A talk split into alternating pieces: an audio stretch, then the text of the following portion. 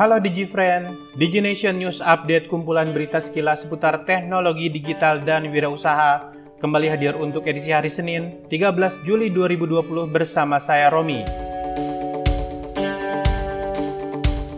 Gojek, salah satu super app Asia Tenggara bekerja sama dengan JumpaPay dan meluncurkan layanan Go Service untuk memudahkan pelanggan dalam membayar kewajiban pajak dan mengurus administrasi surat-surat kendaraan bermotor. Cakupan layanan Go Service saat ini meliputi perpanjangan tahunan dan lima tahunan, balik nama, hingga blokir surat tanda nomor kendaraan atau STNK. Head of Third Party Platform Gojek, Sony Radityo menyatakan, layanan Go Service ini mengutamakan efisiensi layanan bagi pelanggan dan mengklaim bahwa proses pembayaran pajak kendaraan lebih cepat. Proses pengajuan yang semula bisa memakan waktu 2-4 jam kini hanya bisa menjadi 5-10 menit. Pembayaran layanan dalam Go Service ini juga dapat dilakukan melalui GoPay sehingga lebih praktis dan aman.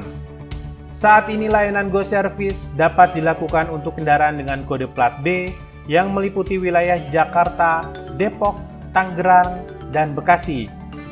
Secara bertahap, Go Service akan menjangkau kota-kota lain di Indonesia. Jejaring sosial berbasis video singkat TikTok meluncurkan platform self-serve yang dapat digunakan oleh usaha kecil menengah atau UKM untuk mengiklankan usaha mereka. Dengan perkiraan sekitar 10 juta pengguna di Indonesia, pengusaha UKM nasional kini bisa menjangkau audiens yang tepat melalui komunitas TikTok lewat program TikTok for Business ini.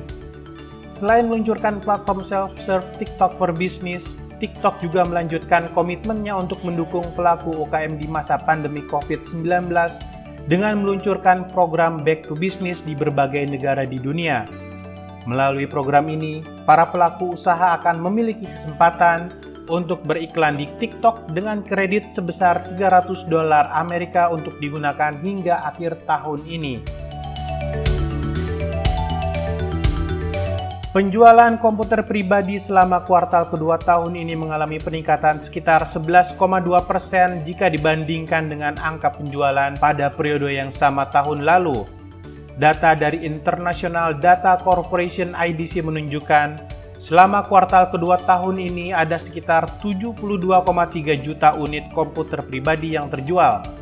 Salah satu pemicu peningkatan penjualan komputer pribadi selama kuartal kedua tahun ini adalah masifnya penerapan work from home dan kegiatan belajar online atau jarak jauh yang dilakukan selama masa pandemi COVID-19.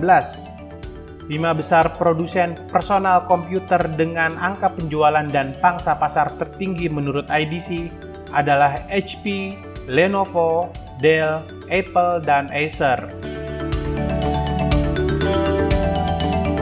Demikian rangkaian DigiNation News Update kali ini. Untuk informasi seputar teknologi digital dan wirausaha lainnya, silahkan cek www.digination.id. Salam dan terima kasih.